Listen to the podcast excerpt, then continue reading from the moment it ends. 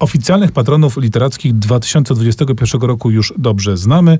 Czas teraz na nasze alternatywne propozycje. Na przykład jedną rzeczą, która nam się od razu rzuciła w oczy i w uszy i w umysł, to fakt, że jakoś żadna pani nie została dołączona do grona szlachetnych patronów, a przecież jeśli już trzymać się tej prostej zasady stulecia urodzin, to mamy bardzo ważną postać, którą naprawdę dobrze byłoby przypomnieć i której warto by poświęcić w tym roku, nie tylko zresztą w tym, tylko w każdym innym, sporo uwagi. Jest to Julia Hartwig. Tak, Julii Hartwig uwagę należy poświęcać, natomiast nie trzeba się specjalnie wysilać, by to zrobić, gdyż jej twórczość jest niezwykle obfita i bogata i wszechobecna. Ja przyznam się, że ja prywatnie mam do niej bardzo bliski stosunek i bardzo bliskie z nią relacje, a to via przekłady, w tym z poetów amerykańskich, bo to chyba po raz pierwszy tak naprawdę na poważnie zetknąłem się z amerykańską poezją dzięki Julii Hartwig. Mam też z dedykacją od tłumaczki e, pierwsze polskie wydanie przygód barona Minhausena, pierwsze powojenne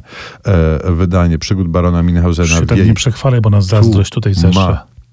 New, a przede mną leżą wiersze wybrane mm, Julii Hartwig, które wyszły nakładem wydawnictwa A5, do których dołączona jest płyta, na której to płycie autorka czyta swoje wiersze. I tu możemy wsłuchać się w głos poetycki Julii Hartwig od jej debiutanckiego tomu Pożegnania, który przypomnijmy wyszedł w roku 56 po jasne, niejasne z roku 2009.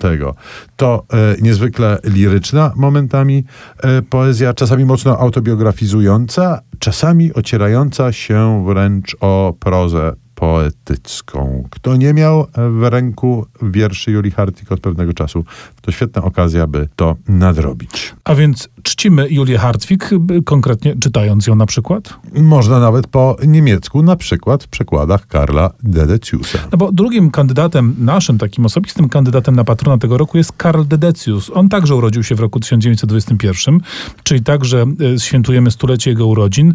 To jest postać nieco mniej być może znana niż Julia Hartwig chociażby, no i ci oficjalni patroni, ale niezmiernie istotna. Trzeba powiedzieć krótko. Karl Dedecius, urodzony w Łodzi przed wojną, ale e, niemieckiej narodowości po wojnie trafił oczywiście do, do Niemiec i jest absolutnie, czy też był i jest absolutnie kluczową postacią, jeśli chodzi o obecność polskiej literatury w Niemczech. On był tłumaczem, który ma jakiś gigantyczny dorobek przekładowy.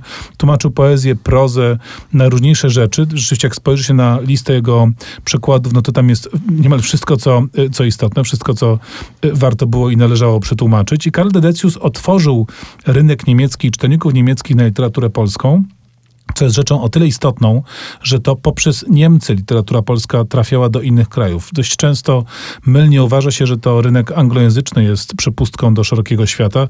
On jest przepustką do ogromnej popularności, tylko że na rynek anglojęzyczny polscy autorzy czy autorzy z innych tak zwanych mniejszych języków trafiają zazwyczaj po obecności w innych językach. I dla polskiego i dla polskiej literatury niemiecki jest jednak tym mostem e, w świat szeroki, bo po niemiecku jednakowoż trochę więcej czytelników w świecie wydawniczym y, sobie radzi niż, niż po polsku.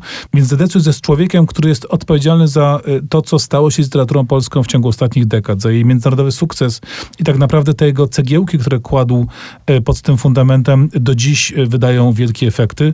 Dobrze by było Karlu Dedeciusie pamiętać i przypominać jego postać i jego absolutnie fundamentalne dokonania. A pamiętać go i upamiętnić go można by wznawiając jego własne teksty po e, polsku, czego byśmy sobie z okazji stulecia jego urodzin życzyli. Tymczasem do pozostałych alternatywnych patronów roku 2021 powrócimy po przerwie.